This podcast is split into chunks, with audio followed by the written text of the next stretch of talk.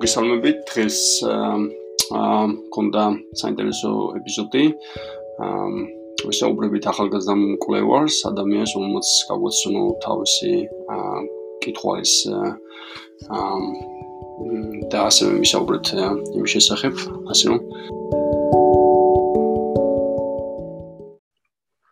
მოგესალმებით.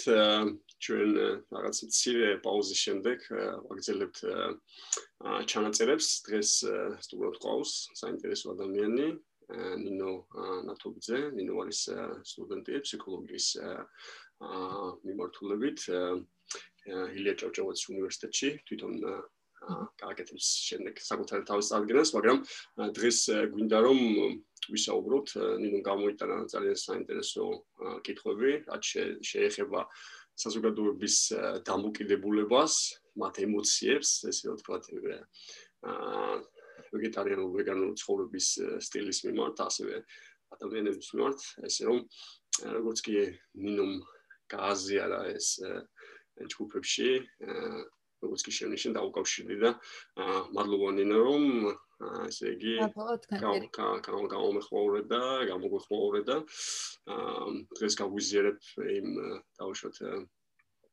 კლევის შესახებ, ვიცი რომ ეს კლევა ეხლა ხანს იწება უკვე და ესე რომ ბევრი საინტერესო კითხვები გვექნება, მაყურებელს კი შევახსენებ რომ მე პოსტშიც ვახსენე, როდესაც დავწერე რომ გვჭირდება პოდკასტმა რომ ისე ვთქვა საინტერესოდ წარიმართოს, გვჭირდება ადამიანები, რომლებიც აკეთებენ საინტერესო კვლევებს, იგივე თავიანთი ცხოვრების გამოცდილების შესახებ რომ გაგვიზიარო ესე ესე რომ ნუ დაგზარდება თუ ადამიანები თქვენს ირგვლივ პატარა ბიზნესები, ასევე ფიქრობთ რომ საინტერესო შეიძლება იყოს საზოგადოებისთვის, თავიანთი გამოცდილებებით გაგვიზიარეთ და მოვიწვევთ და გავესაუბრებით. ნუ ხედავ შენ ძალიან ესეთი მოყვარული ხარ ცხოველების მათ კატაკოსმოსი ხო? ეს არის ჩვენი გოგო.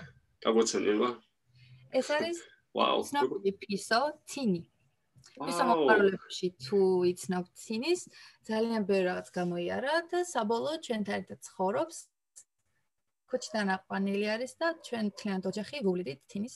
ჩემი და აქტიურობდა. ვაუ, რა მაგარია. ეხლა ზუსტად ესეთი კატა ყავს, ეხლა რომ ნახე იმაზე, ზუსტად ესეთი კატა ყავს, ახშ დაუცილებლად გაჩვენებ. ეხლა ეხლა მაგის დაჭერა შეუძლებელია.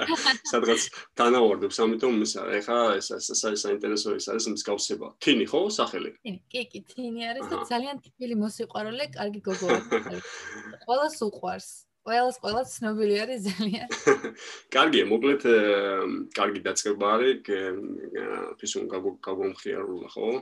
აა შეიძლება სხვები ჩემოგვიერთდნენ და არ გაგიკვირდით. კი, კი, ვაუ, ესე შენ ცხოვრებისა ცხოვრების აქტიურად ამაშები ცხოვრებთან აკვია. კი, ესეც დაკავშირებული არის ამ კვლევასთან ზუსტად დაკავშირებული. აა, ესეც.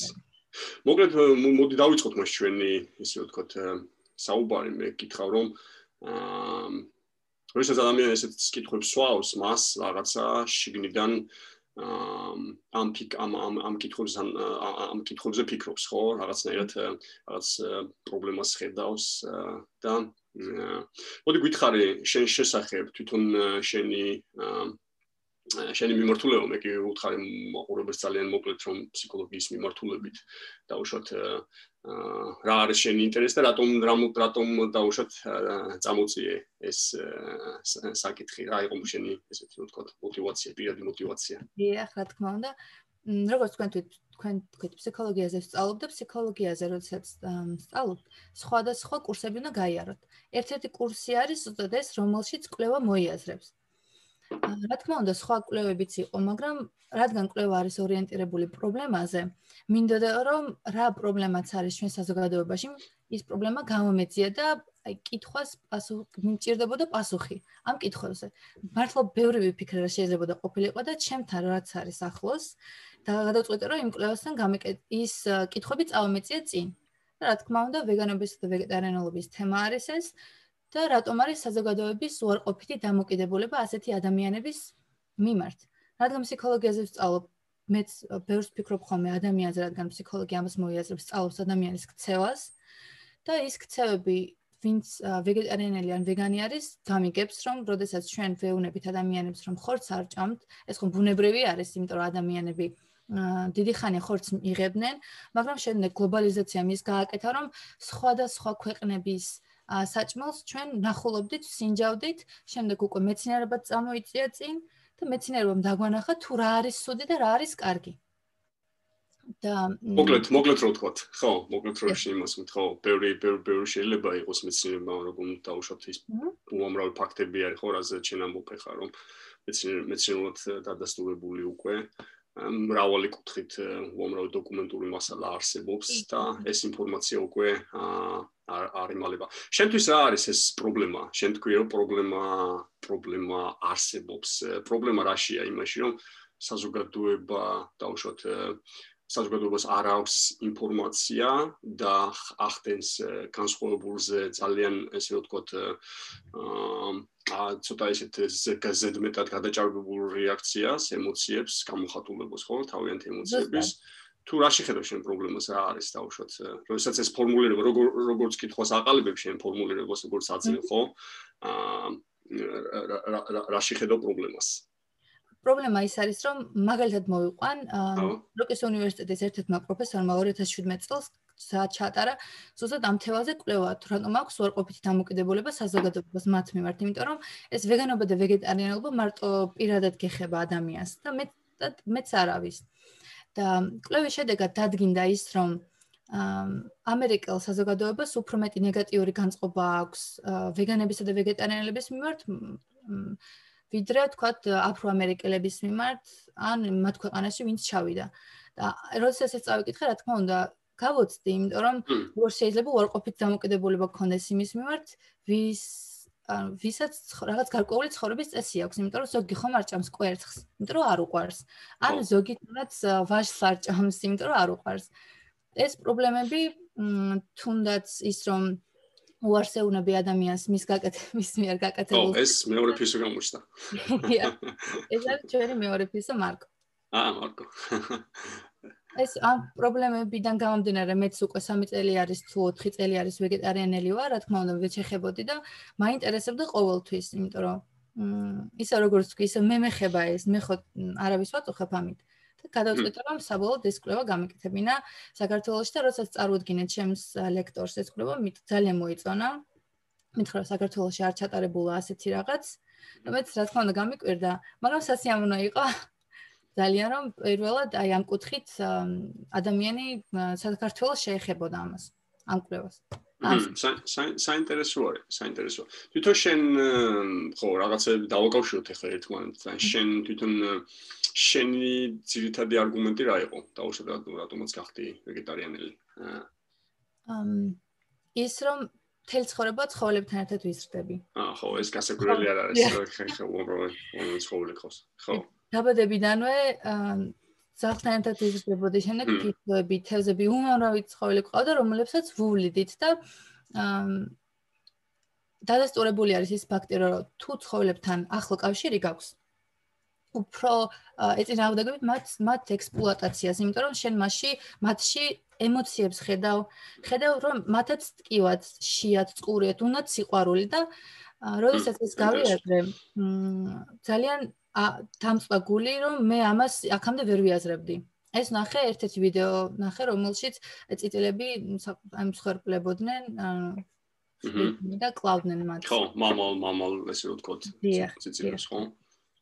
დამწყებული, იმიტომ რომ მათაც ხომ აქვს ის თავისუფლება, ხომ ჭირდებათ მათაც. ჩვენ ადამიანები ვარ და ყოველთვის ვამბობთ, რომ აი გჭირდება თავისუფლება, თავისუფლება, თავისუფლება და ამათმა რა დააშავეს, რადგან არ შეუძლიათ ჩვენ სენაზე საუბარი, ხომ არ შეიძლება რომ ასე ცუდად მოექცეთ მათ. აქედან გამომდინარე, მე ვეგანობის და ვეგეტარიანობის საუკეთესო ერთ-ერთი მხარე ის არის, რომ ნელ-ნელა იძიებ რა არის შენთვის კარგი და რა უწყობს ხელს შენს ორგანიზმს რომ ჯანმრთელი იყოს თუნდაც ის ფასტ ფუდის კუთხე რო ავიღოთ რომ ცუდი არის და თითოეულ ნაბიჯ-ნაბიჯ ვიგებდი ინფორმაციას საკუთარ ხელზე, საზოგადოებაზე, თუნდაც ის რომ უფრო მეტი წყალი სჭირდება ცხოველების გაზრდას, ვიდრე ცენარეების. ცენარეების, დიახ. აჰა, საინტერესოა. საინტერესოა. შენ როგორ დააკავშირე თავ როგორ როგორ გადაწყვიტე დაუშვათ ამბობ რომ ხო, ეს საინტერესოა რომ ცხოვრების შენმა სტილმა ხო დაუშვათ იგივე ცხოვრებთან ურთიერთობა. აა გადაგაწყვეტინა თვითონ პროფესიის შერჩევაც? აა პროფესიის შერჩევა აა მეხუთე კლასიდან გადაწყვეტილი მქონდა. ვაუ. ეს ადრეულ ადრეული ესე პროფესიის ისე ხო? აა ყოველთვის კარგად გამოდიოდა ადამიანებთან საუბარი და ვინტერესდებოდი მათი პრობლემებით. აა, საინტერესო. და და დავხმარებოდი, ოღონდ ეს ხდებოდა ძალიან ბუნებრივად. რომ მათი პრობლემების გაზიარება და მათი დახმარება მომწოდა პოზიტიურ განწყობას დაყენება და მინდოდა მათთვის კარგი, კარგი ყველაფერი. მომავალიც არის ყველადაირად მათკენ ვიყავი. და შემდეგ უკვე მოვიძიე ინფორმაცია, რომ თურმე რასაც მე ვაკეთებ, არის პროფესია. ხო, ანუ ეხმარები ადამიანებს, ხო. კარგი, კარგი ესე. ჰმ. მომეც გადაწყვიტა, რომ ყოფილიყავი აქ და იმედია მომავალში უფრო მეტი კვლევები ჩატარდება ამ კუთხითაც და უფრო უფრო ბევრი საინტერესო ინფორმაციას გავიგებთ. საინტერესო. მე გამომდინარე, იმიტომ რომ ეს ხომ არის საბაზისო. აა, იმიტომ რომ ეს არის პროფესიონალები არ ვართ ჩვენ ახლა სტუდენტები ვართ და როდესაც უკვე უნივერსიტეტს დავასრულებ მაგისტრატურას, დოქტორანტურაზე ვიქნებით, შემდეგ უკვე ხდება ახლა ადამიანი პროფესიონალი ამ ამ კუთხით და უკვე ნელა ვთვლი რომ ეს არის დაწყება.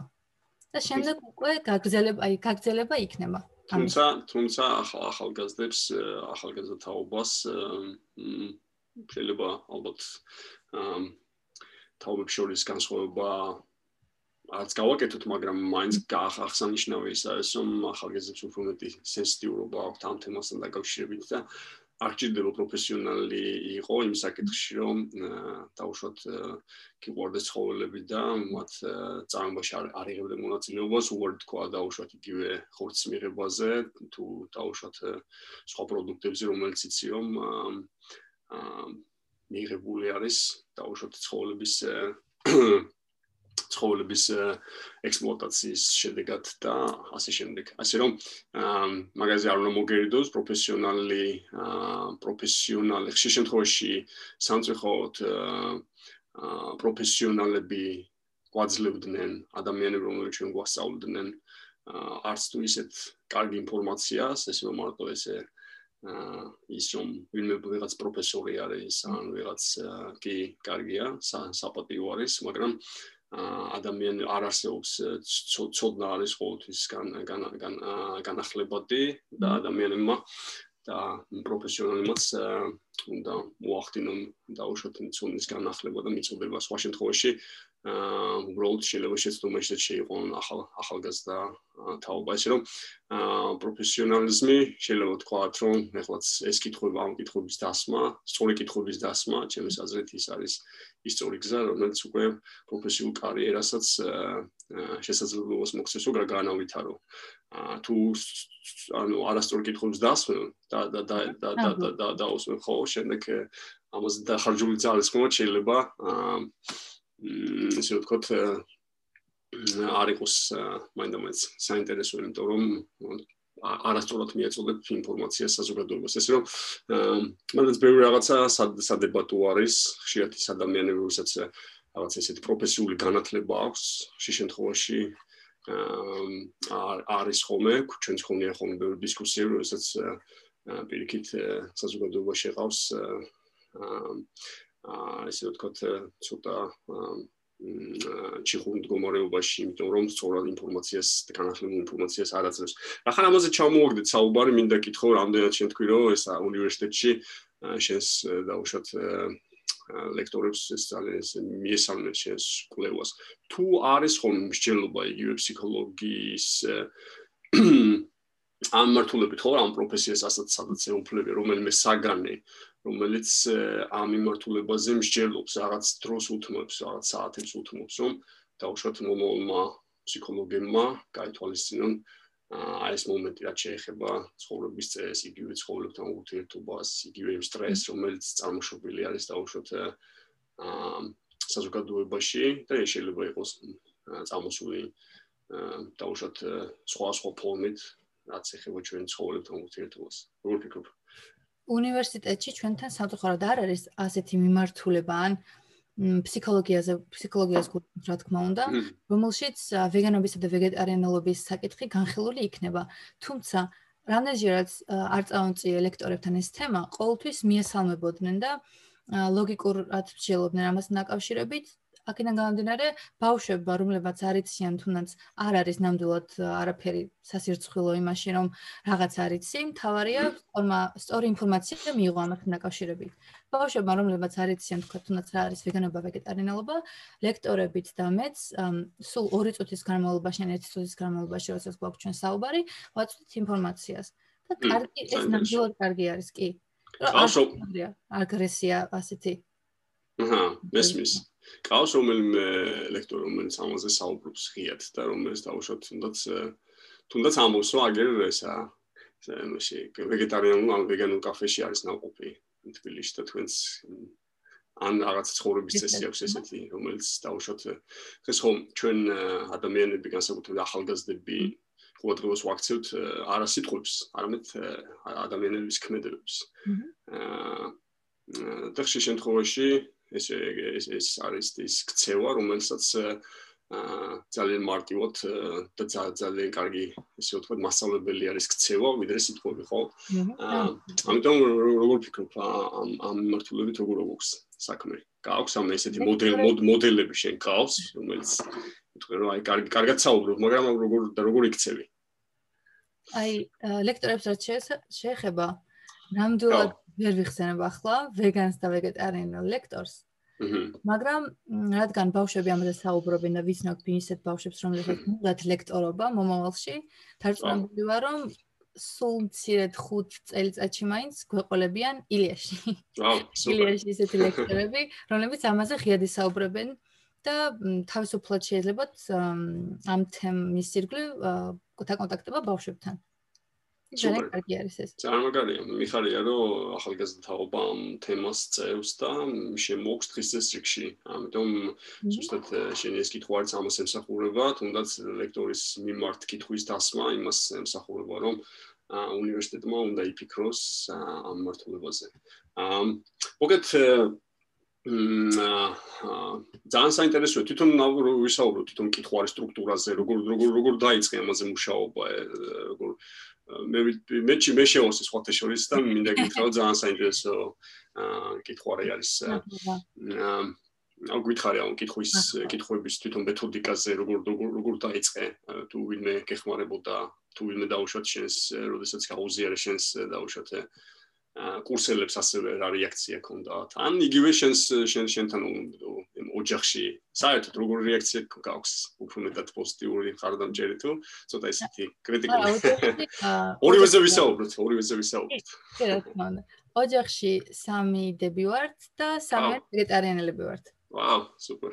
კი ისინი უფრო დიდი ხანია ვეგეტარიანელები არიან და მე 4 წელი არის უკვე რაც ამ ცხოვრების ამ წელს მივსდევ და ძალიან ბედნიერი ვარ ამით და რაც ეხება თვითონ კვლევას აი კვლევაში რთული ის არის რომ სწორი კითხვები დასვა. იმიტომ ყველაფერს ჭირდება რაღაც ცოდნა, რა თქმა უნდა. და თუნდაც ის კითხვები, რაც რაც თქვენ მე მისვამთ, ეს არის თემის გასაშლელი კითხვები, მაგრამ კვლევის დროს კითხვა უნდა იყოს ძალიან კონკრეტული. კი. იმიტომ რომ 35 თუ 36 კითხვა არის ამ კითხვაში. და ძალიან რთული არის ამ ხელა თემა 35 კითხვაში ჩაატიო. და ძალიან ბევრს ფიქრობდით, მე და მეწყვილე მყავს მე. ჩვენ ერთად ფიქრობდით, როგორი სახით უნდა ყოფილიყო კითხვები. რა თქმა უნდა, გარკვეულწოდნით, რომელშიც ესაგანი გვაწვდის. ვითვალისწინებდით ამას. ლექტორთან ძალიან დიდი დიდი ხნის განმავლობაში ჩვენ ქონდა საუბრები. არაერთი კვირის განმავლობაში ამას ვიტყოდით, რომ კარგი კარგი კითხვარი ყოფილიყო, იმიტომ რომ რა თქმა უნდა, კითხვარი ასახავს ამ თემას. და არ გვინდოდა რომ ან თემა ყოფილიყო დაფარული, ან აზრი ყოფილიყო შეუმჩნეველი, იმიტომ რომ ჩვენი ბევრი ბევრი მხარე გვაქვს განხილული, რაშიც გამოხატული არის თუნდაც ის 4 გვერდი, მაგალითად ფიქრობდით 4 გვერდი ადამიანს ხომ არ დააღლეს, მინიმუმ მე შემხედრია მასეთი კლუბები სიმართლე გითხრათ რომ ბევრი კითხვა არის და არ არის თქვა თემაზე ორიენტირებული. და ბევრი არ აქცევს ამ კითხვის ყურადღებას არ ამთავრებს და არ მინდოდა რომ საზოგადოებას ასეთი მომენტი ქონოდა და ყოველთვის გვინდოდა. მე და ჩემს მეწყვილეს რომ ქონოდა საინტერესო კითხვები და ერთ ლაკონურად, აი, თავისუფლად რომ გადადის, კითხვა ერთი მეორეზე და ბევრი-ბევრი თემა ამიტომ არის, თუნდაც აი რელიგიური თემა მაგვაქვს წამოწეული, თუნდაც ის რომ როგორ განწყობაზე არის ადამიანი თქვენი აზრით, როდესაც ვეგანი ვეგეტარიანელი არის, იმიტომ რომ საინტერესო არის, რას ფიქრობს საზოგადოების წევრი და კონკრეტულად ვცდილობდით, რომ შეგვერჩიო და ამ ხელა თემა სულ რამდენი კითხვაში ჩაგვეტია. კარგი, საინტერესოა ძალიან ხა შენ რო შეეხე ხა მოკლედ მეც უცებ დავიწყე ფიქრი აი იგივე რელიგიურ თემასთან დაკავშირებით. ხა საქართველოს რელიგიური ქვეყანა არის, ორთოდოქსული ქვეყანა ხო, მართლმადიდებლური და ძალიან ისეთი პრაქტიკა გვაქვს მარხვის. აა საქართველოს ხო, ძალიან ისეთი გავრცელებული არის უამრავი ესეთი რო ვთქვა მორწმუნეა, უამრავი ადამიანი რომელიც იცავს მარხვას. მაგრამ მარხვა რომ გაიგიო და უშოთ დიეტასთან ესეც ალბათ არასწორია და ალბათ მარხვის გაიგივება უფრო ვეგანურ ცხოვრების წესთან უფრო მეტად ახლო არის, იმიტომ ის ეხება არა მარტო დიეტას, არამედ ცხოვრების ფილოსოფიას, ძალიან გაწმენდას, როგორც ემოციებისგან, ისევე გონების რაღაც ზრახვებისგან, ცუდი ზრახვებისგან, თლიანად ფსიქოლოგიურად, ემოციურად გაწმენდას ორგანიზმის, ხო? როგორ ფიქრობ, როგორ დრო დრო შეგადრო შეგდაუშვებ ესეთ კითხვა რო დაგემატებინა, ან მიგეთითებინა აა უბრალოდ მათიდან იქნება გამომდინარე რომ აა საქართველოს უფრო მეტი ადამიანი იცნობს რა არის მარხვა, აჰა. და კარგად იცის დაუშვათ იგივე მარხვის შედეგი ხო გამოცდილი აქვს რა არის. იმიტომ ხშირ შემთხვევაში ადამიანმა არ იცის რა არის ეს ვეგანო ვეგეტარიანობა და არ აქვს სწორი ინფორმაცია ამასთან დაკავშირებით. მაგრამ შენ გაბედულო კითხვებით დასვი და გინდა რომ საზოგადოებას უფრო მეტი ინფორმაცია შეიტანო. თუმცა რაღაც პარალელიც გაკეთება ან რაღაც ისე რომ ადამიანები დაუშვათ არ შევაშინოთ დაუშვათ სიტყვებით ადამიანებს აუხსნათ შინაარსი რა არის აი გულისხმობა ამ შინაარსში. იმიტომ თუ მაგალითად მე არ მაქვს ინფორმაცია და არასწორი ინფორმაცია მაქვს ან ვეგეტარიანობაზე ან ვეგანობაზე ნებისმიერი შეკითხვა ხო შეიძლება ცოტა ესეთი აგრესიული ის გამიჩინოს ხო? აი იმიტომ რომ ძალიან ცოტა ინფორმაცია მაქვს, ან არასწორი ინფორმაცია მაქვს. როგორ ფიქრობ, რამდენად სწორად ვიზე გაქვს, ვიზე გაქვს გათვლილი და უშოთ ვინ არის შენი სამიზნე აუდიტორია და ვიზე გაქვს გათვლილი ეს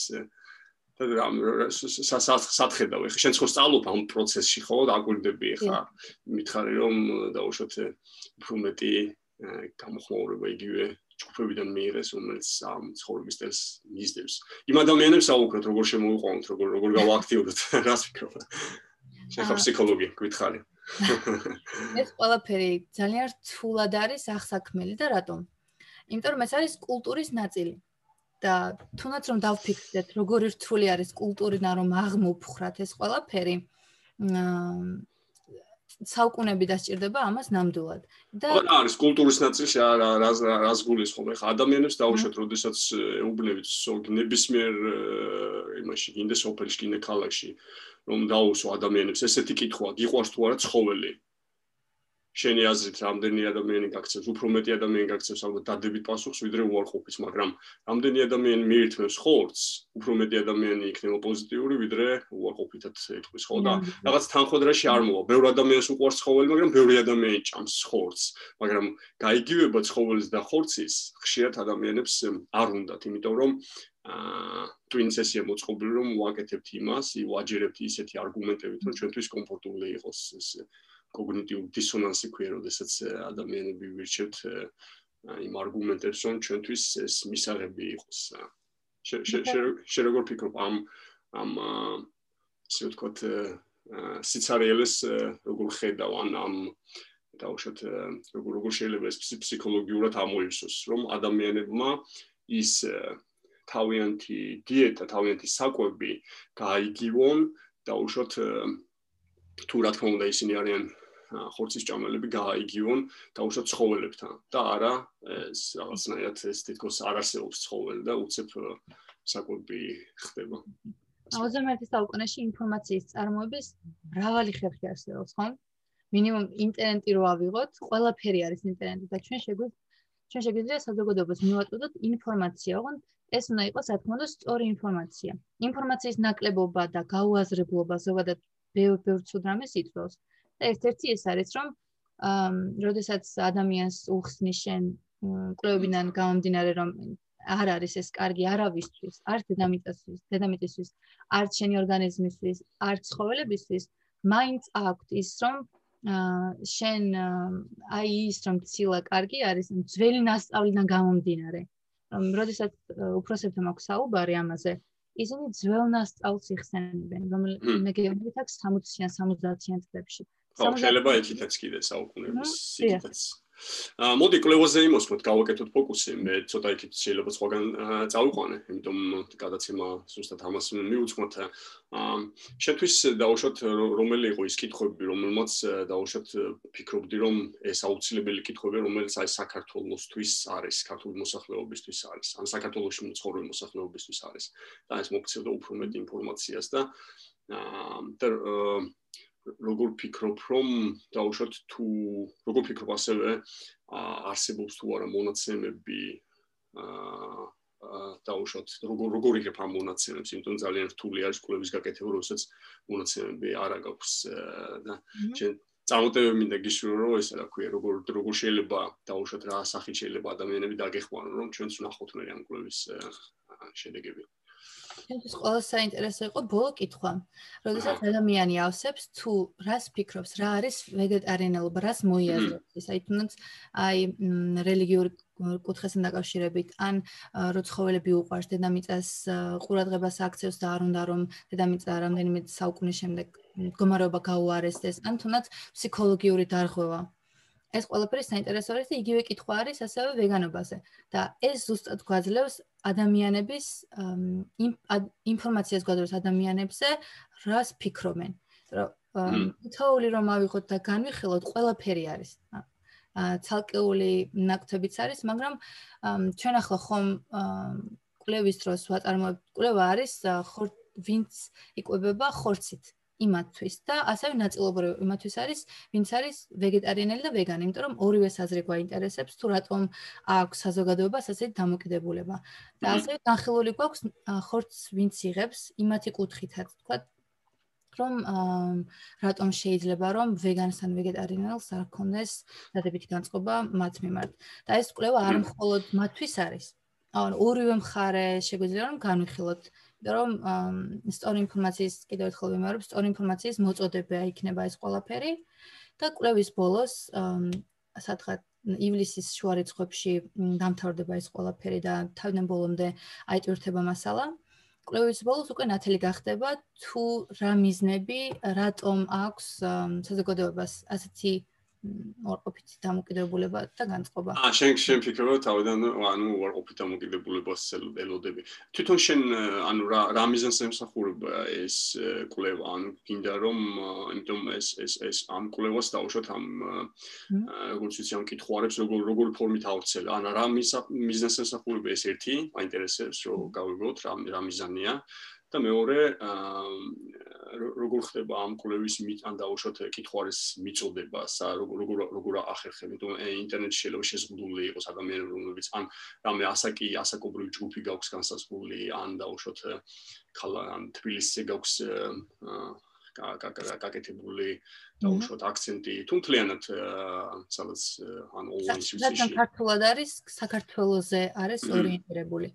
მაგრამ რა თქმა უნდა უცხოელები შეიძლება რომელიც ქართულად საუბრობენ და შეავსონ ხო? წავა, წავა ხალხს. კი საინტერესო არის ძალიან.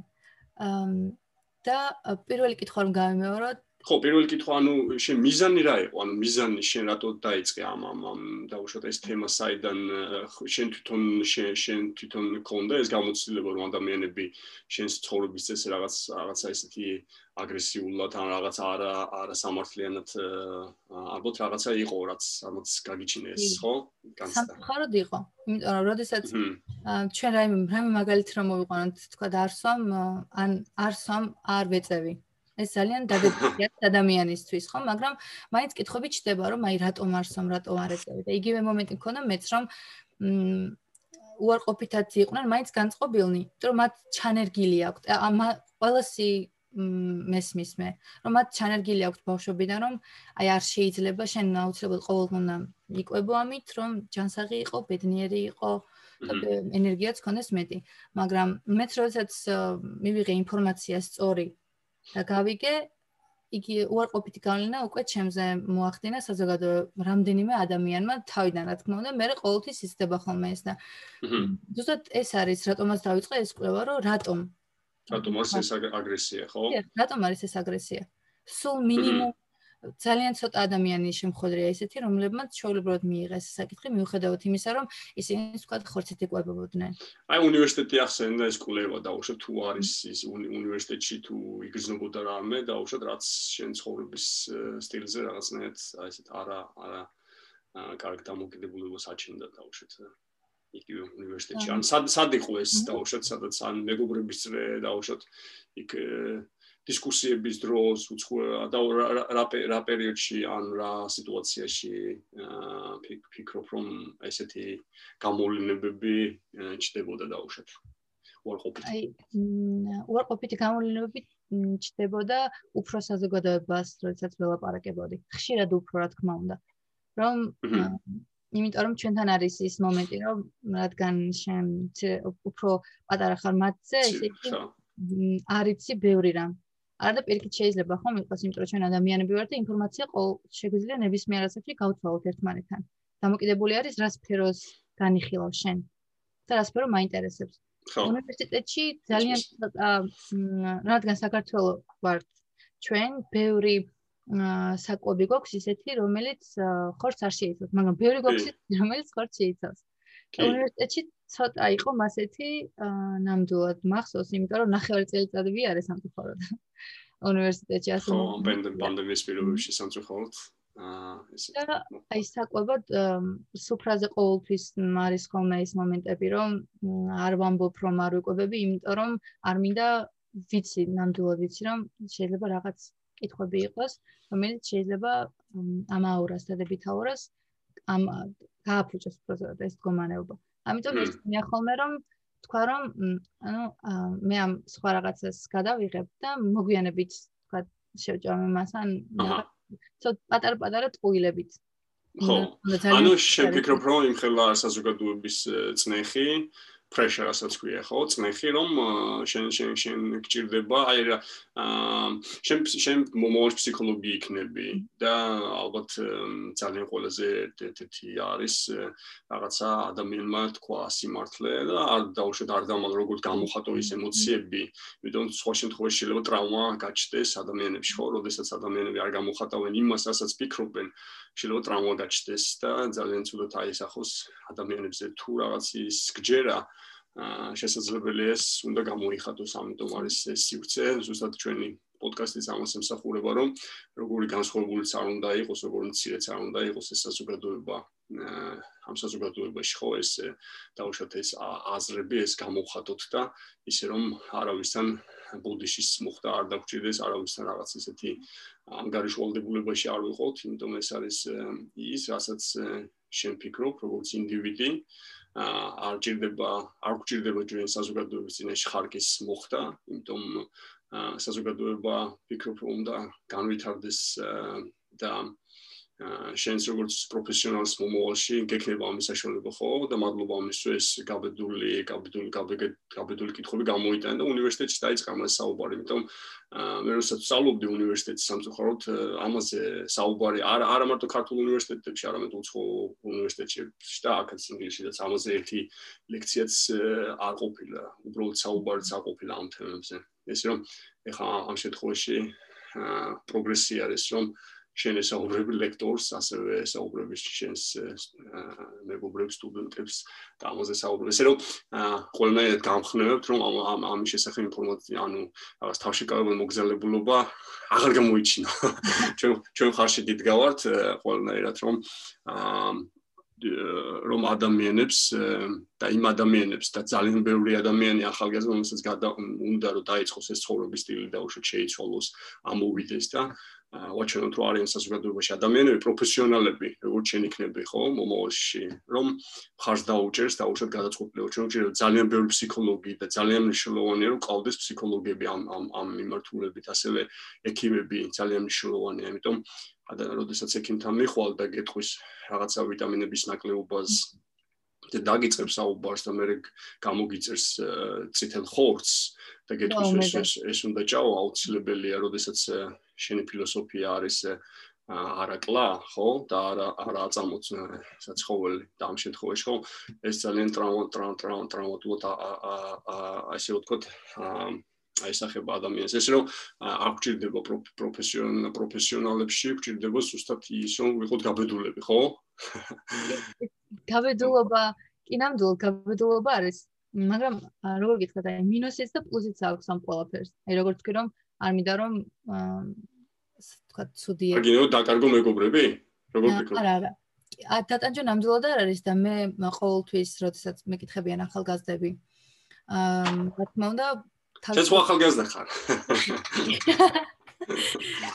ჩემი კურსელები ჩემი ასაკი ასე გეკითხა ვისაუბრო ჩემს კურსელებზე ასე გეკითხებიან და უშო როგორ რა ურთიერთობა გაქვს კურსელებზე როდესაც ახვალთ და უშოთ კაფეში ერთად იკვებებით თუ გისაუბრეთ ამ თემას და შენ თუ ვინო დაინტერესებულა შენ შენ თემით რომ ამ კვლევას აკეთებ ყოველთვის ინტერესდებიან იმიტომ რომ საჭირო არის სწორი წარმოჩენა. რა თქმა უნდა, ყველაფრის სწორი წარმოჩენა არის საჭირო. აგრესია არაფერს კარგს გამოიწვევს და ყოველთვის აინტერესებთ ხოლმე და მეც რა თქმა უნდა, დადებითად ჩვეულებრივად პასუხობ და მე რა საზოგადოებას ყავს, ცოტა არანაირად არიღებენ ამას, რომ მე ვეგეტარიანელი ვარ, ან სხვა რომ ხვის მიმართ რომ აგრესია გამოიჩინონ, ვინც ვეგეტარიანელი ან ვეგანი არის. პირიქით, ჩვენ ყოველთვის ვუცვლით ხოლმე ინფორმაციას ნებისმიერ საკითხთან დაკავშირებით და თვითონაც შეავსეს ეს კითხვა. აჰა, ვაუ. გააზიარეს, მეგობრებსაც გაუგზავნეს და კურსელებიც, რომლებსაც რა თქმა უნდა თავიდან არ ვიცნობდი, ძალიან დადებითად შეხვდნენ ამ თემას. ერთ-ერთი ერთ-ერთმა გამომიგზავნა კიდე დამატებითი ინფორმაცია და ძალიან თბილი გარემო არის, მე რაც შემხედრია. ძალიან კარგი. ამ კუთხით. ძალიან კარგი. დადებითი ძალიან. და ლექტორი კარგად შეეგება ამას, როგორც გითხარით და მეხმარებოდა აა კითხავების შედგენაში, ინფორმაციაც მოიცია ლექტორმა. დაგვეხმარა ძალიან. კითხებს როგორ დაუშვათ აუცილებლად ეს მხოლოდ ონლაინ ხდება თუ? არის ამე გამოგი გამოგითხები გაქვს დაუშვათ იგივე ქუჩაში ან იგივე სხვადასხვა რაგი რეგიონებში ან რა არის სხვადასხვა ასაკობრივ ჯგუფში შორის როგორ როგორ ფიქრობ როგორ პანდემიამდე შეიძლებოდა რომ ქუჩაში მისულიყავით ან სხვა სხვა დაწესებულებებში კითხავი რომ მიგვეტანა და არავინ გეტყოდა ამაზე უარს მაგრამ ახლა მხოლოდ ონლაინ რეჟიმში გვიწევს და ინფორმაციის გავრცელება ამ კუთხით რთული არის მიუხედავად იმისა, რომ ინტერნეტი ყველანაირ ინფორმაციას ავრცელებს. ონლაინ რეჟიმი რთული არის და მაქსიმალურად ვცდილობთ, რომ გავუზიაროთ ბევრ გავაზიაროთ ბევრ ჯგუფებში, იმიტომ რომ ჯგუფებზე ვართ უფრო ორიენტირებულები ვიდრე ცალკეულ ადამიანებს. რა თქმა უნდა, მათაც უგზავნით. მაგრამ უფრო ჯგუფებში ვაზიარებთ ასეთ ინფორმაციას. მესმის, მესმის. თუმცა ჯგუფებიც ალბათ შეზღუდულები იქნება იქ ადამიანების გამოხმაურება ალბათ. აა რას ფიქრობ, თვითონ კითხვა არის ჩამოყალიბების დროს რა რა რა იყო თქვენი დაუშვათ ამ ამოსავალი რა რას როგორ არჩევდი კითხებს რა რა გინდოდათ დაუშვათ რა რა არის ამ საბოლოო მიზანი რა არის რა დაგედგინეთ დაუშვათ?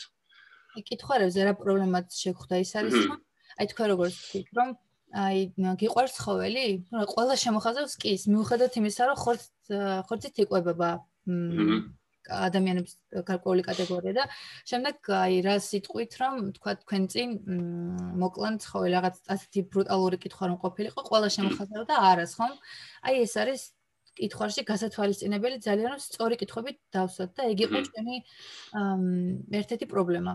გვინდოდა რომ ამ სწორად შეგვერჩია კითხვები, ისე რომ არც ერთ მხარეს ექსნო რაიმე ზეწოლა ან რაიმე უარყოფითი ემოცია.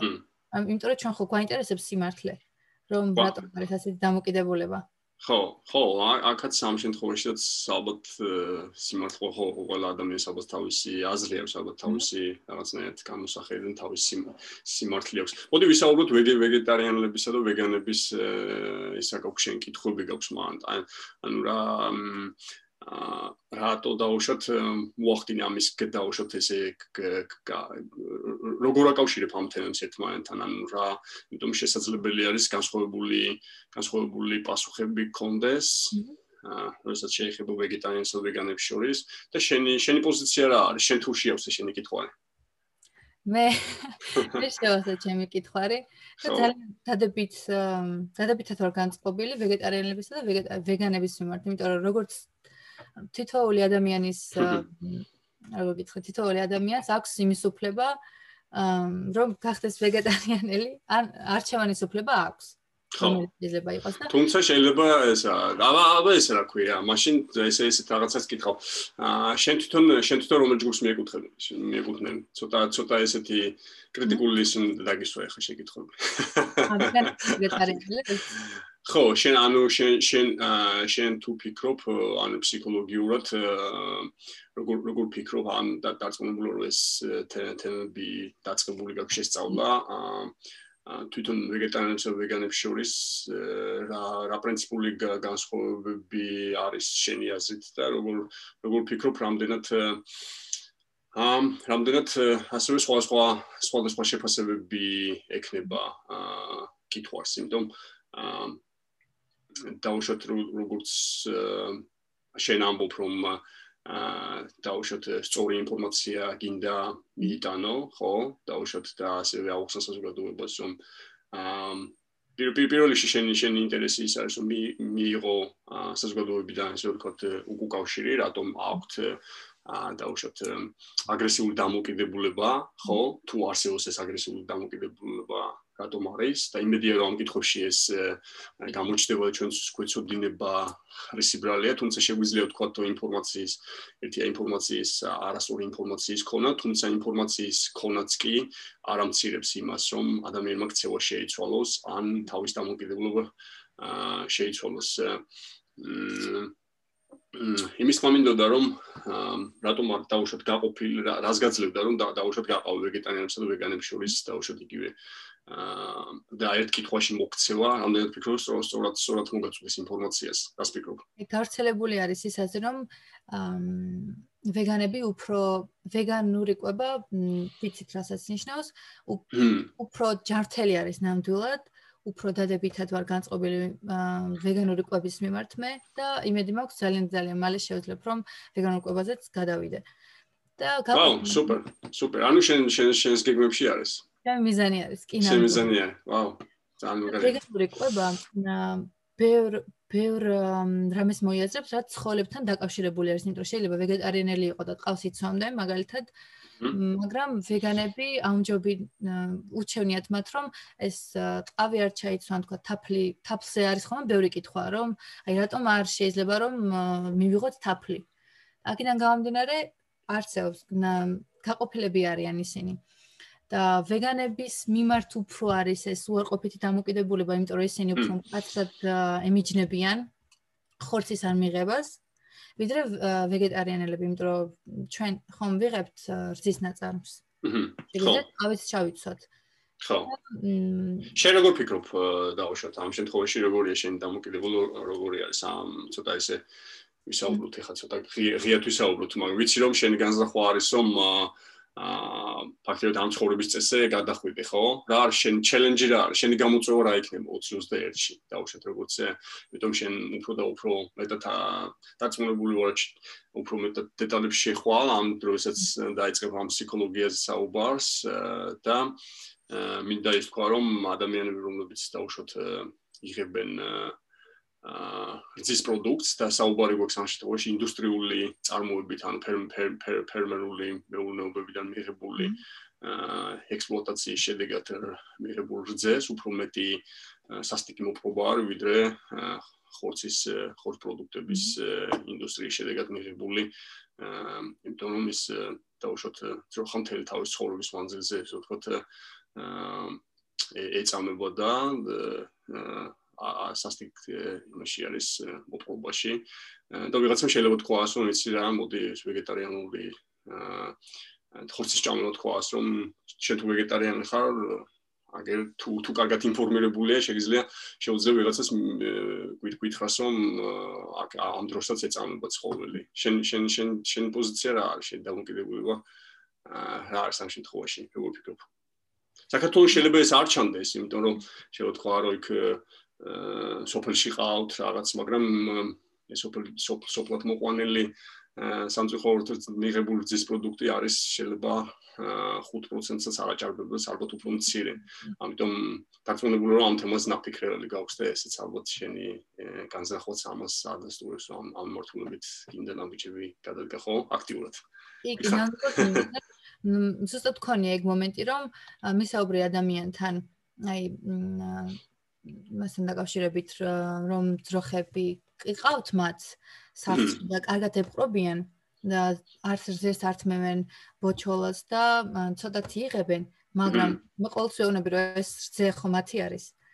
ან როგორც ედაკვებავს ბავშვს ეს რძე მას სჭირდება ყოველ თავიდან ბოლომდე ყველანაირი სჭირდება მას და იმ ბოჩოლამაც ხორა დააშავა მაგრამ მე რა თქმა უნდა რაღაც არგუმენტები ისე ინფორმაციის ნაკლებობის გამო არსებობს და რა შეიძლება რომ შეჯახოს ქართველი, ქართველი რა. ზოგადად რომ თქვა, ეს არის ყურადღების მიქცევა საკუთარ თავზე და საკუთარი ჯანმრთელობის კუთხით რომ გამიხელოთ ეს თემა, იმიტომ რომ ყველა ადამიანი, რა თქმა უნდა, დადიოდეს რაღაც პერიოდში ერთხელ ექიმთან, მაგრამ როდესაც ვეგანი ხარ, შენ ნამდვილად უნდა იცოდე რა უნდა მიიღო, ხო? ინფორმაცია უნდა გქონდეს, როდის უნდა მიიღო, რა პერიოდში ერთხელ და ეს უფრო ართულებს ყველაფერს. იმიტომ რომ არაერთი ვიტამინი გჭირდება ადამიანს, არაერთი სწორი სანელებლებიც რო ავიღოთ, იმდენი ძალიან ბევრი სანელებელი არის, რომელიც შესაძლოა უნდა იცოდე. და შეიძლება ორი მხარე განვიხილოთ, თქვათ, რომ ეს ინფორმაცია მე არ მჭირდება, დავიღლები ამ ინფორმაციით, სანამ მე მაგას წავიკითხავ თავიდან ბოლომდე, მაგრამ მეორე ის არის, რომ საინტერესოა. ხა რატომ არ უნდა იცოდე, რომელი არის შენი ორგანიზმისთვის კარგი, ისო ხო შენ თვის აკეთებ ამას. და არავის ნებ. ო, თუმცა საქართველოს შენ ექიმების ახსენეთ ხო საქართველოსში და ალბათ და როგორც როგორც ყველგან ალბათ საქართველოსში აქაც როდესაც ადამიანი ძალიან ცირეს, ცირე მე მე მე მე სამედიცინო პერსონალს ხშირ შემთხვევაში უმრავლესობას არ უტარდება, თუ უტარდება ძალიან ცირე საათების რაოდენობა, რაც შეეხება აა ისე რომ ვთქვათ დიეტის მიმართულებით, ხო? და შესაბამისად, როდესაც ადამიანი ამ ცხოვრების წესი არის და ის ექიმის მიაკითხავს, შეიძლება ძალიან არა ესე ვთქვათ, არასასიამოვნო პასუხი მიიღოს, რჩევა მიიღოს და ამ შემთხვევაში შეიძლება უფრო მეტად დაბნეული აღმოჩნდეს ასე რომ კი გეთახმები მაშინ რომ უფრო მეტი, უფრო რთული არის ამ ჯერჯერობით კიდევ, იმიტომ რომ პასუხისგებლობას იღებ შენ ჯანმრთელობაზე, თუმცა მეორე მხარე ის არის, რომ აა ჩვენ გვიყვარს ესე ვთქვათ, კლუბების გაკეთება, ადამიანებს დგავენ ამ ნაბის, ხო, როგორც შენ, ხო, კლუბებს აკეთებ ბერდი ისწავლობ არა მარტო იმაზე, რომ ცხოვრები ამ შემთხვევაში ცხოვრების ხდება ექსპლუატაცია, ასევე იმაზე, რომ უარყოფით როლზე და იმ შემთხვევაში თუ ამოიღებ დაუშვათ ცხოველურ ცილას ან ცხოველურ სხვა დაუშვათ მინერალებს როგორ შეიძლება ეს შეავსო ხო? როგორ უნდა როგორ უნდა შეავსო? ხო. შემოებული თუ რა იციან რა იცის საბოდოებამ დადებითად მოქმედებს მათ ცხოველური ცილა თუ უარყოფითად და ესეც ძალიან საინტერესო არის რა რა კუტრას ფიქრობენ ისინი რომ რატომ არის კარგი და შეიძლება ამ კითხვა რომ ის გამოიწვიოს რომ მოიძიოს იმ ადამიანმა ინფორმაცია იმიტომ რომ არის ის კარგი არ ფიქრობთ ხომ ჩვენ ყოველთვის ამაზე და რადგან კითხვა დაისვა რაღაც პასუხი ხოლმე ქონდეს ამას. აბსოლუტურად საინტერესებთ ხოლმე ასეთი რაღაცები და იქნებ ვინმე ნახა ის ინფორმაცია ან გაიგო რომ არ არის თქვა კარგი. ესეც ძალიან საინტერესო არის. შენთვის რა ყველა საინტერესო ამკლევაში რა მომითხარე და შენი მეწყვილისთვის? რა რა რა არის ეს პრამის პიროვნული გამოწვევა არის? თქვით რომ მოდი ხა დაუშვათ გავიგოთ პიროვნული რაღაც ისეთი აა თუ რა რა სტიმულს გაძლევთ ეს კვლევა? რას ფიქრობ და თუ ფიქრობ რომ ამ კვლევასთან ამ ამ კვლევის შემდეგ უფრო მეტად ჩაუღმავდები ამ მიმართულებას და დაუშვათ აა იგივე ფსიქოლოგიაში ამ მიმართულებით იმუშავებ და უფრო ძალიან საინტერესო მიმართულებაა ჩემი აზრით, იმიტომ ცხოველური ესეთი აა წარმოებით ხო? მიღებული ცხოველური პროდუქტი ეს სამეცნიერო კვლევებიც არის ამ შესახებ, რომ უარყოფით სტრესთან არის დაკავშირებული, როდესაც ხდება ორგანიზმში და ასევე ტრავმაზედაც აისახება ადამიანის. ასე რომ ჩემი აზრით ეს ძალიან საინტერესო მიმართულება იქნება ასევე ფსიქოლოგიაში, რითი ვიკვლევებით, როგორ ახდენს ხო ეს ჩვენს ემოციურ mm-hmm. იმაზე. რა რას ფიქრობ, როგორ რა არის შენი мотиваცია ამ კვლევის და რა გეგმები გაქვს, რო გითხრა მომავალში? ამ კვლევაში ნამდვილად მინდა რომ იცით როგორ არის, როდესაც კვლევას იღებ, რა თქმა უნდა, კითხვები არის. ან შეიძლება ეს კითხვა ამ კითხვის პასუხი იყოს დადებითი ან უარყოფითი. და ძალიან მინდა, რომ ეს ჰიპოთეზები, რაც რა თქმა უნდა, ნაშრომში არის ჩამოწერილი, უარყოფილი იყოს და საბოლოოდ ამ კლუბის ბოლოს მიზანი მივიღოთ, რომ საზოგადოება არ არის უარყოფითად განწყობილი, იმიტომ რომ შეიძლება ჰიპოთეზა დადებითად იყოს შეფასებული, ან უარყოფითად იყოს შეფასებული.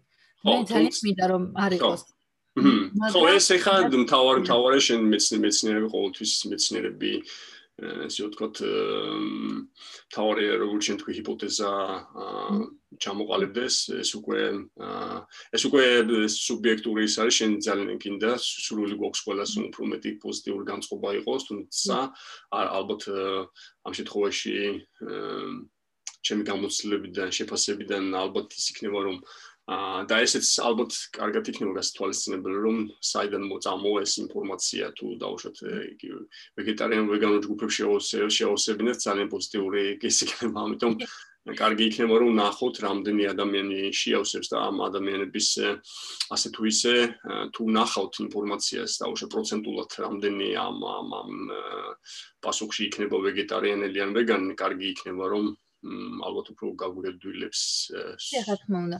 თითოეულ კითხვას აქვს გვერდით პროცენტულობა მიწერილი. და ნამ უფრო მეტი მინდა რომ იყოს ჩართული ადამიანი ნიშნულობა მომკვებაზე არის რომ რაც უფრო მეტი ადამიანი ღებს კითხვაში მონაწილეობას უფრო და უფრო ნათელი ხდება თლიანად საზოგადოების წევრი იმიტომ რომ ჩვენ ამ კითხვას მინიმუმ 30 ადამიანზე ვერ შევავსებდით. მაშინ ვერ გავიგებდით რას ფიქრობს და ვერც ვიტყოდით თუ რას ფიქრობს საზოგადოება. მაგრამ რაც უფრო მეტი მიიღებს 200-მდე ადამიანმა შეავსო უკვე, რაც ძალიან მიხარია, იმიტომ რომ ეს არის როგორც გითხეთ უნივერსიტეტის კვლევა და უფრო ნაკლებს ველოდი მე.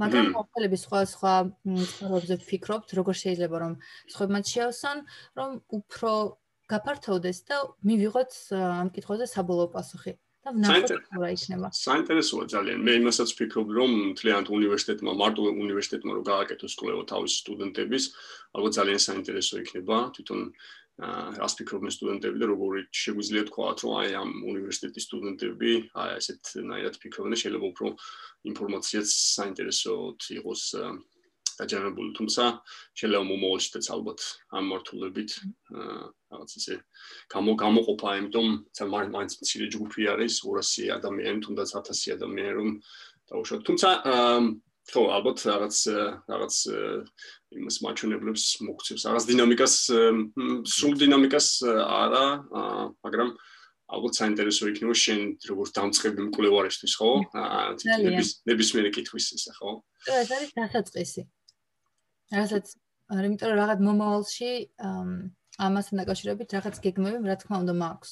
ანუ გითხარი რა არის შენი გეგმები და ნელა ალბათ გავიზიარე ისიც დაუშვათ რამდენად თუ თუ ფიქრობ რომ ამ მიმართულებით საქართველოსში როგორ ფიქრობ ამ მიმართულებით როგორ შეიძლება ამ მიმართულების დაუშვათ იგივე აა შეშენერი სტუდენტების კვლევარების დაუშვათ თუ არსებობს ამ ესეთი კავშირი თუ თუ არსებობს ამ ესეთი კვლევარების შორის ურთიერთობების გაზიარება ან თუ აპირებ დაუშვათ იგივე უცხოეთში აა ამ მართულებით მომუშავე ინსტიტუტებთან ან რაღაცნაირად ურთიერთობას ან არ ვიცი რა რამე ფორმით რა რა ფორმებია რაც რაც რასაც ფიქრობ რომ საინტერესო იქნება შენთვის ან ჩვენ როგორ შეიძლება დაგეხმაროთ ადამიანებს რომლებიც აქ ცხოვრობთ ამ საქმიანობს მოგეთ გითხრა წარმოება ნაშრომების წარმოება, იმიტომ რომ ჩვენ ხომ მაგისტრატურა დოქტორანტურას გულისხმობ მე. იმიტომ რომ ეს ნაშრომები როგორ ინფორმაცია თავიდან უნდა მოგვეციებინა ჩვენ და ქართულად ინფორმაცია ამ თემასთან დაკავშირებით არ იყო. აქედან გამომდინარე გამოვიყენეთ ინგლისურენოვანი წყაროები და სკოლიდან წორედაც არსებობს 2017 წლის მონაცემები. ამ თემასთან დაკავშირებით, თქო ინგლისურად და სხვა უნივერსიტეტს აქვს, რატომ არ შეიძლება რომ საქართველოს უნივერსიტეტსაც კონდეს? საქართველოს ერთ უნივერსიტეტსაც. საქართველოს შესახებ არის ეს სკოლა არა არა ვეგეტარიანობას და ვეგანობას შორის. ანუ ამ ეს ზოგადი ზოგადი ამ თემა არის რომელიც სხვა ქვეყნებში ამოყალბოთ დასავლეთ დასავლეთ ქვეყნებში გაკეთებული ხო კვლევები? იგი ნამდვილად. და მომავალში ძალიან მინდა რომ ჩემი ერთ-ერთი ნაშრომი შეიძლება ახლა მომავალი არ იყოს მაგრამ აუცილებლად რომ ჩემი ერთ-ერთი ნაშრომი როგორც ფსიქოლოგიის კუთხით გავაკეთო ამ თემაზე, იმიტომ როგორც თქვენ აღნიშნეთ, ძალიან საინტერესო თემა არის და საინტერესო რაც არის, ყოველთვის ყურადღებას იპყრობს ადამიანების და თუ გაკეთდება, რა თქმა უნდა, არა მარტო აა ბევრი წაიკითხავს ამ ნაშრომს, არამედ თუნდაც ვინც განიხილავს ამ ნაშრომს, ისინი გაიგებენ ამ ინფორმაციას. აჰა, საინტერესოა. კარგი არის ძალიან. საინტერესოა. აა შეგვიფიქრობ ეხლა ცოტა ალბათ აა ჩვენს გადაცემას შევაჯამოთ. მაინტერესებს შენი დაუშვათ იგივე ცხოვრები ახსენე. აა ასევე კითხავ დებიდან რომლები რომლები ხართ უფრო ჩართული ამ ესე ვთქვათ საინტერესო საინტერესო იგივე საინტერესო იქნება თქვენ დებ შორის დისკუსია. ალბათ ამ საკითხზე იმიტომ თუ სამ სამენი სამე და ვეგეტარიანელი ხართ ხო თვითონ ოჯახის წევრებს შორის დამოკიდებულება რას ფიქრობ გაგვიზიარებ რამე სამ შესახებ. დებ შორის რა რა რა რა გამოთია ხოლმე? რა პროფესიების არიან ისინი სამ საინტერესო იქნება მოთი ჩემი უფროსი და და მეორე კონსერვატორია დაამთავრა სულ ანუ არტისტების ის საინტერესო იქნება მუსიკოსების. მუსიკოსები მეორე და ბიზნესი დაამთავრა და ფსიქოლოგიაზე სწავლობ ახლა მე აქედან გამომდინარე საერთოდ განსხვავებული კუთხე არის განსხვავებული თემები არის მაგრამ ჩემადებმა როდესაც გაიგეს ვეგეტარიანობის შესახებ და ვეგანობის შესახებ და გადაწყვეტეს რომ ვეგეტარიანელები გამختარიყვნენ მე იმ პერიოდში რა თქმა უნდა მიზიარებდნენ ინფორმაციას მეუბნებოდნენ მაგრამ რადგან ეს ჩემთვის მიღებული იყო და არ ვუღმავდებოდი ამ თემას მაინც ვაგზელებდი ისეთ საკვებით სკოებას. ძინავდეგობას ძინავდეგობას ვაგზელებდი მაგრამ როდესაც უკვე ჩემი თვალით დავინახე უკვე რა ხდებოდა დავაინტერესა ინფორმაცია მოვიძიე უკვე მეც გავხდი ვეგეტარიანელი და მინდა რომ ბევრი იყოს მაგაცი რაღაც. არა მარტო ვეგეტარიანელობას რაც ეხება და ვეგანობას, არამედ ნებისმიერ სფეროში რომ პრო ინფორმაციისკენ ვიყოთ ორიენტირებული, მოძიებისკენ და არა იმისკენ, თქვა, რასაც ჩვენ მოგვაწვდიან. იმიტომ რომ ჩვენ ხო არ ვიცით ეს სწორი არის თუ არა და ჩვენ შორის ძალიან კარგი დისკუსიები ნამდვილად იმართება მას დაკავშირებით. თუ იმასთან დაკავშირებით, ღამის 12 საათზე საიდან გამოვიძახოთ?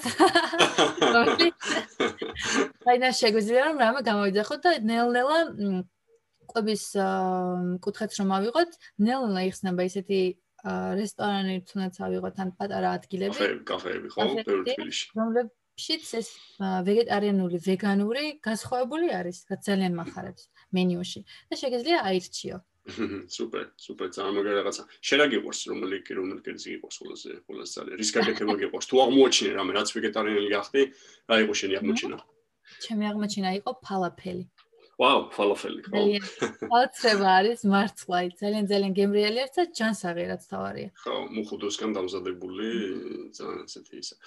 დედამ აგარაკზე დაარგო მუხუდო. მმ.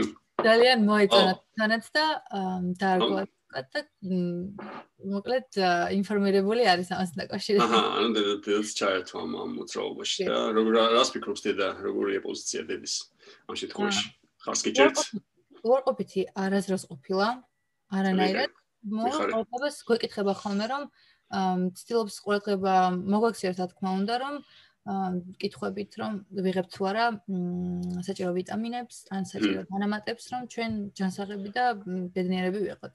აჰა, სუპერ, სუპერ მაინც და დაწუნებული ვარ რომ ხო ფიქრობს ამ შემთხვევაში კარგია რომ თქვენ სტიმულს აძლევთ და აჩვენებთ რომ ჯამთელებიც ხართ ძალიან სმარტებიც ხართ და კარგად კარგად მიდის საქმე. ესე რომ ეს არის თავარი რომ პირველ ადამიანმა ნახოს რომ ეს ხოლობის წესი არ უკავშირდება. რაღაც სისუსტეს ან რაღაც აა რუსაქვს ხოლმე განცდა რომ რაღაც აა ცოტა ისეთი ანომალიური მოვლენა არის თითქოს ისეთი მაგრამ არა ეს ესე ხო სწორედ სწორედ მიღებული ინფორმაცია ძალიან ძალიან მნიშვნელოვანია. მე ინტერესებს დაუშვათ ალბათ ჩვენ სნელმა დავასრულოთ ამ გადაცემას მაინტერესებს თუ რამე გაქვს დაუშვათ რაზეც გინდა გამოხილო ყურადღება იგივე ჯგუფების მხარდაჭერა.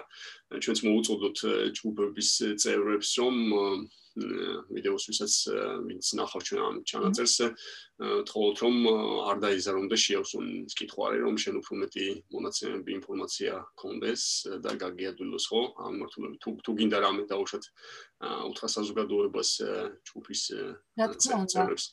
ამ კარგი იქნება ამ კვლევაში ფორმა რომ მიიღოს მონაწილეობა, იმიტომ რომ ეს არის არანაირი სარგებელი ამითი ნამდვილად არ მიიღება, მიიღება იმ კუთხით რომ გვეცოდინება ინფორმაცია, გვეცოდინება მიზეზები თუ რატომ. და რადგან ჩვენ მიზეზები გვეცოდინება, შეგვეძლება რომ ეს მიზეზები აღმოფხრათ და უკეთესი გავხადოთ საქართველოს საზოგადოება ამ კუთხით. მმ, საინტერესოა. საინტერესო იქნება. საინტერესოა. მე მაინტერესებს მეგობრებს, ან მნიშვნელობა არ აქვს ვის, უფრო ბევრი ადამიანი რო ჩაერთოს ამაში, ბევრმა მიიღოს ინფორმაცია და გაიღნოს ცოდნა. სუპერ. სუპერ. შენ თუ გაიხსენებ იმ მომენტს, როდესაც რაღაცამ მკითხა, რომ აგერ ნინო შენ როგორც მომავალ ფსიქოლოგი, ვეგეტარიანელი ხარ, რაღაც რაღაც შემოუკითხავს და შემდეგ შეუცვლია დაუწყია და უშოთ თუ რამ თუ შენი მაგალითით რამე ესეთი ყოფილა გადამდები ყოფილა თუ იხსენებ სამეგობროში ან დაუშვათ იგივე. აა მითხარ რომ დებმა მოახდინე შენს გავლენა ანუ დები პირველი გახდნენ ვეგეტარიანი და მე შენ გახდი ხო? ანუ შენ ხო შენ უმცროსი უმცროსი დახარ და ეს ხო შენ შენ შენ თუ დაუშვათ კონდა შესაძლებლობა მომოს დარწმუნებულა შენ ეკვლევის შემდეგ ბევრი ადამიანი გეკით შეგეკითხება ამას მე სამწუხაროდ ყოველთვის უზიარებ ხოლმე ინფორმაციას. მაგრამ ასეთი მომენტი არ მქონია. ჯერჯერობით. ჯერჯერობით. არ მქონია. მე დავვნებ, რომ ბევრ ბევრის მდგომარეობის გაუმჯობესების საშუალება მომეცემა ამ კუთხით, მინიმუმ ამ კუთხით მაინც. თუ ყოფილა ესეთ შემთხვევებსაც რაღაცა შენი ამ ცხოვრების დაუშვებთ შენი სტილის გამო რაღაც კური კურიოზული მდგომარეობაში აღმოჩენილი ხარ ამ თავგადასავალი ხوار გაქვს რამე ესეთი რაღაც აი ის თემა რო ავიღოთ, თუნდაც რომ კონკრეტულ მომენტებში არ ვამბობ ხოლმე, მირჩევნია. შემოძლება არის, მირჩევნია ხოლმე და აი რაღაცას დრო გამოძრე ამ სიტუაციიდან, რაღაცას ვიგონებ, ოღონდ რა თქმა უნდა ეს არანაირად ან ცუდ გავლენას არ ახდენს არაფერს, აი რაღაცას, აი ქიმა მიკრძალა ხორცი და რაღაც ასეთი. აჰა. რომ შევეცადე რომ ლოიალ არანაირი უარყოფით განწყობა, მოხუცების მიმართ, რომ არ გამოვიწიო. ისმის. თუ თუ ყოფილა ესეთი რომელიც მწვალე მწვალე მწვალე კრიტიკაში გადასულა იგივე შენ თანატოლებთან დაუშვათ და შენ არგუმენტებით რაღაც ესეთი რას ფიქრობ ყოფილა ესეთი ის დაუშვათ და უფრო თაობასთან დაუშვათ იგივე ადამიანთან რომელიც სოფელში ცხოვრობენ და დაუშვათ ძროხა ყავს ძალიან რთული არის მისთვის იმიტომ ფაქტობრივად ის ძროხა ოჯახის წევრია მისთვის და ამაზე არ არის საუბარი.